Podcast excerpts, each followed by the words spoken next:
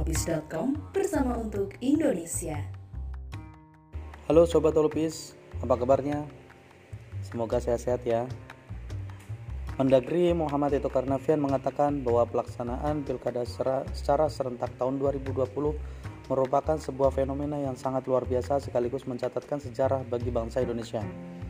Pasalnya, selain dilaksanakan pada masa pandemi COVID-19, pesta demokrasi di 200, 270 daerah itu juga mencatatkan tingkat partisipasi pemilih yang juga sangat tinggi yaitu 76,09 persen.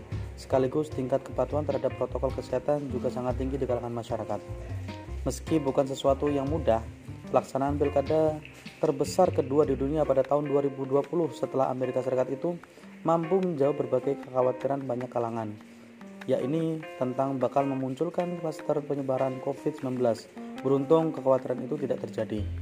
Hal ini terjadi berkat kerjasama semua pihak, semua masyarakat dalam mensukseskan pelaksanaan hajatan demokrasi itu, sehingga menuai berbagai pujian dan berbagai kalangan dan dunia internasional.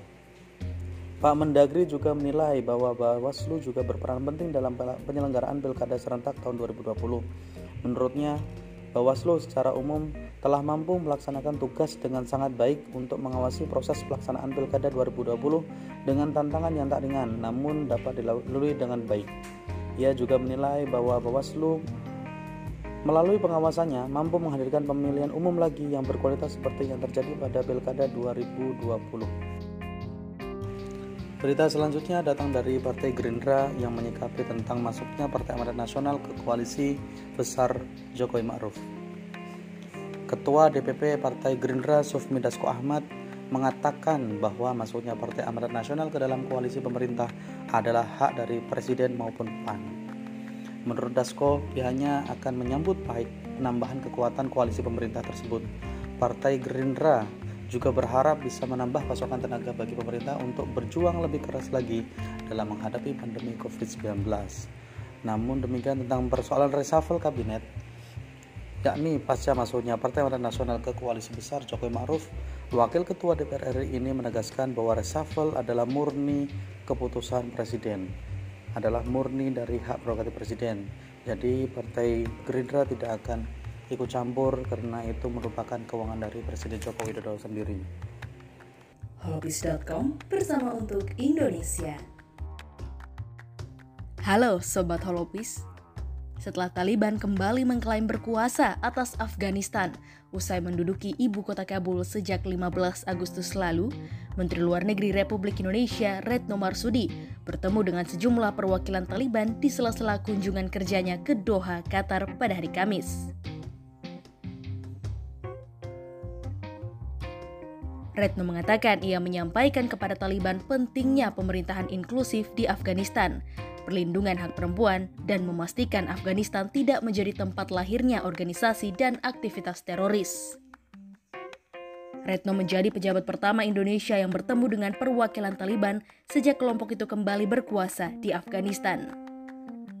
Sementara itu, Retno juga bertemu dengan Menteri Luar Negeri Qatar Sheikh Mohammed bin Abdul Rahman Al Thani di Doha. Dalam pertemuannya dengan Al Thani, Retno mengatakan mereka mendiskusikan isu-isu terkait masa depan Afghanistan. Kita lanjut ke berita berikutnya. Sebanyak 340 personel gabungan TNI Polri disiapkan untuk menjaga jalannya pertandingan Liga 1 antara Bali United melawan Persik Kediri.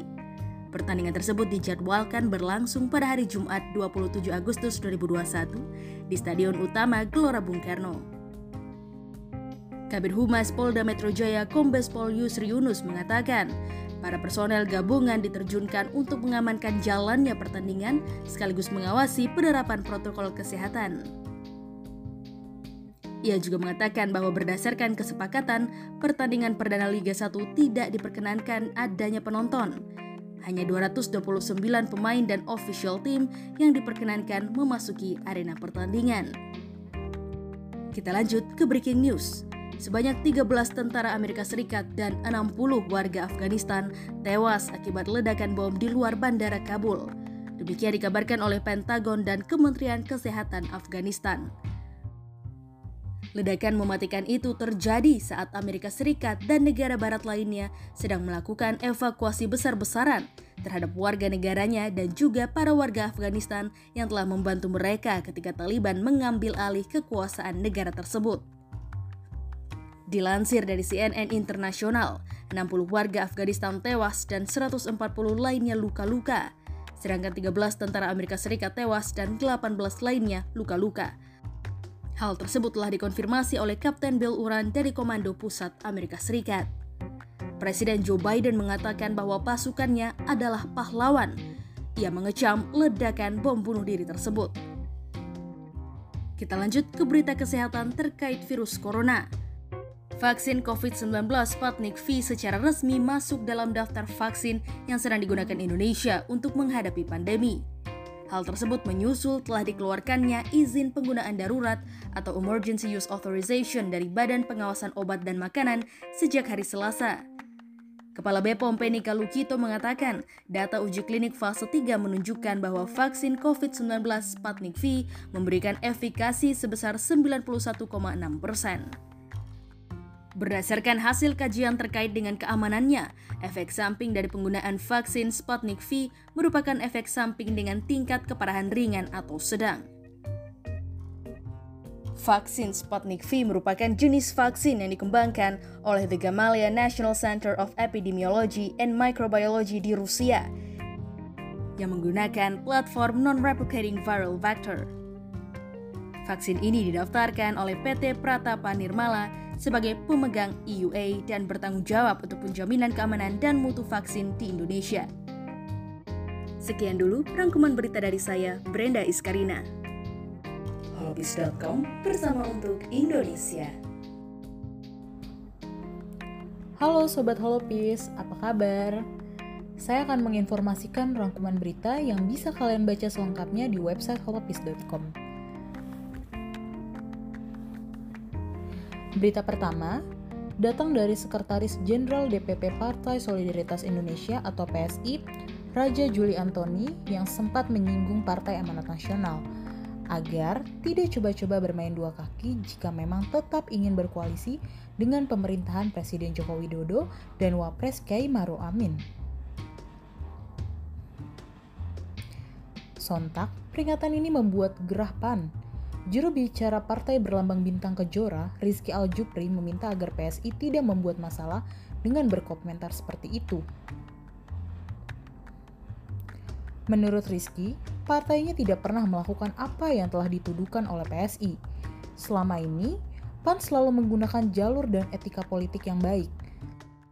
Bahkan, ketika Pilpres 2019 lalu, kader PAN yang berada di pemerintahan, yakni Asman Abnur yang mendukung kursi Menteri PAN RB, langsung mengundurkan diri setelah partainya menyatakan diri mendukung pasangan Prabowo Subianto dan Sandiaga Uno tahun 2018 lalu.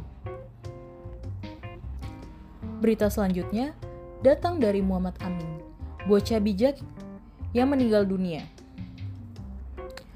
Dunia media sosial sempat dihiasi oleh konten-konten bijak Muhammad Amin Soleh Abdullah. Bocah cilik ini dikenal dengan konten-konten nasihat baik, bahkan menyentuh hati. Perdana Menteri Malaysia Ismail Sabri Yaakob menyampaikan kabar duka khusus ini atas meninggalnya Muhammad Amin.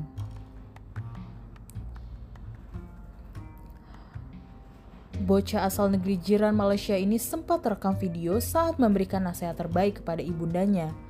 Nasihat ini adalah agar sang ibunda tidak memperpanjang masalah dengan orang lain dan berhenti membuat dosa-dosa. Alasan mengapa ia memberikan nasihat kepada ibunya karena ia sangat sayang dengan orang yang telah melahirkannya. Muhammad Amin meninggal dunia pada hari Kamis 26 Agustus 2021 pukul 01.30 pagi waktu setempat. Sebelum meninggal dunia, ia sempat mengeluhkan sesak nafas setelah makan semangkuk mie instan. Sontak, meninggalnya Muhammad Amin ini membuat sedih banyak kalangan. Apalagi anak sebijak ini harus meninggal dunia di usianya yang masih muda, yakni 8 tahun. Berita selanjutnya datang dari Gubernur Anies Baswedan. 610 sekolah di DKI Jakarta terverifikasi siap menggelar pembelajaran tatap muka. Gubernur Anies Baswedan mengatakan bahwa pembelajaran tatap muka akan dimulai Senin depan di DKI Jakarta. Anies mengklaim bahwa guru di ibu kota telah divaksin hingga mencapai 85%. Sementara, sisanya guru-guru yang memiliki komorbid atau penyintas COVID-19.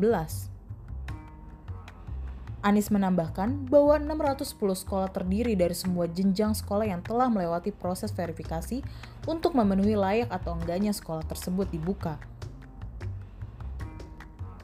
Berita selanjutnya datang dari Kapolri Jenderal Listio Sigit Prabowo, Panglima TNI Marsikal Hadi Cahyanto, dan Menpora Zainuddin Amali yang meninjau kesiapan Stadion Lukas NMB dan arena akuatik menjelang pelaksanaan PON Papua dalam tinjauannya, Kapolri Sigit dan rombongan memastikan bahwa dua arena olahraga tersebut akan siap digunakan untuk pesta olahraga nasional pada bulan Oktober 2021. Meski begitu, Kapolri tetap mengimbau kepada penyelenggara untuk tetap memperhatikan hal yang masih dirasa kurang, ya, agar ketika pekan olahraga itu berlangsung dapat berjalan maksimal dan memuaskan. Kapolri juga menghimbau kepada Forkompimda Jayapura untuk memperhatikan penanganan dan pengendalian COVID-19 terkait dengan pelaksanaan PON Papua. Menurut Kapolri, dalam penyelenggaraan tersebut tetap harus menerapkan protokol kesehatan yang ketat. Berita selanjutnya datang dari Yahya Waloni yang dilarikan ke rumah sakit. Kepala Rumah Sakit Polri Kramat Jati Brigjen Pol Asep Hendra membenarkan bahwa Muhammad Yahya Waloni sedang ditangani tim medis. Pihaknya juga sudah menyiapkan dokter khusus yang akan menangani perawatan terhadap tersangka kasus ujaran kebencian dan penodaan agama.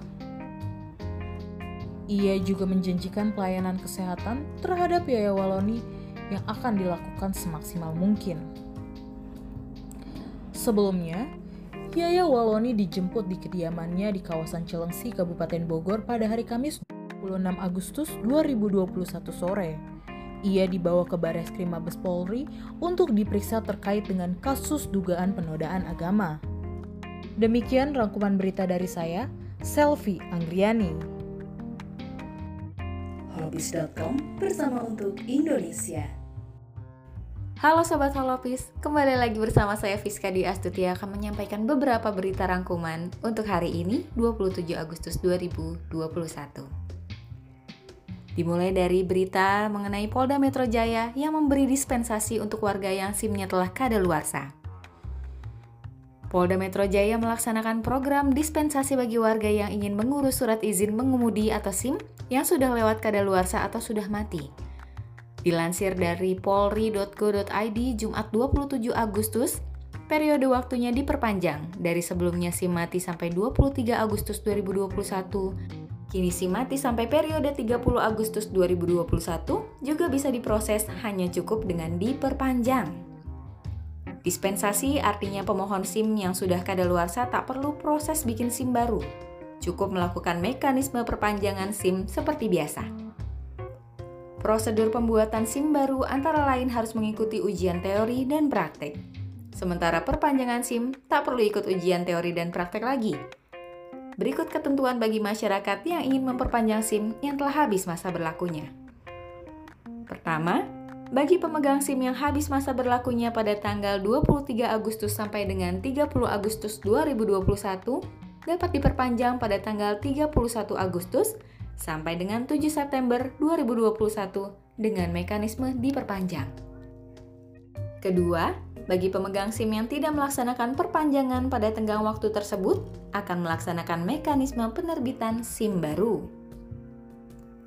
Polda Metro Jaya sudah beberapa kali memberikan pengumuman.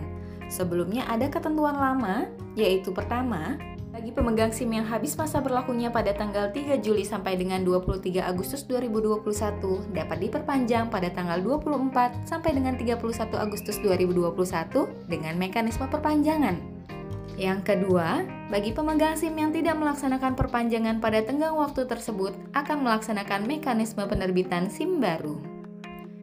Biaya perpanjangan SIM diatur dalam Peraturan Pemerintah Republik Indonesia Nomor 60 Tahun 2016 tentang jenis dan tarif atas jenis penerimaan negara bukan pajak yang berlaku pada Kepolisian Negara Republik Indonesia. Berikut biaya perpanjangan SIM sesuai Peraturan Pemerintah Nomor 60 Tahun 2016. SIM A Rp80.000, SIM B1 Rp80.000, SIM B2 Rp80.000, SIM C Rp75.000, SIM C1 Rp75.000, SIM C2 Rp75.000, SIM D Rp30.000, SIM D1 Rp30.000, dan SIM internasional Rp225.000. Kita lanjut ke berita selanjutnya. Pendaftaran PUBG Mobile di PON 20 Papua 2021 telah dibuka. PUBG Mobile, game Battle Royale buatan Tencent ini dipastikan akan tampil dalam laga eksibisi di PON 20 Papua 2021. Satu dari empat game e-sport yang akan tampil di PON 20 Papua 2021, pengembang secara resmi membuka pendaftaran bagi player yang ingin mewakili daerahnya. Dikutip dari keterangan resminya Jumat 27 Agustus, sesi pendaftaran peserta PUBG Mobile untuk PON 20 Papua 2021 dimulai dari 26 Agustus hingga 8 September 2021. Nantinya, para peserta yang mendaftar akan mengikuti sejumlah pertandingan kualifikasi sebelum akhirnya menjadi finalis cabang olahraga PUBG Mobile di PON Papua ini. Metode dan cara registrasi peserta dapat dilakukan lewat platform garudaku.com.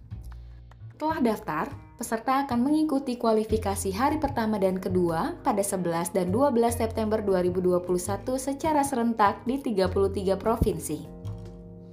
Tim terbaik yang lolos babak kualifikasi kemudian akan bertanding di ajang Prapon 20 Papua 2021 yang dijadwalkan pada 14 sampai 15 September 2021.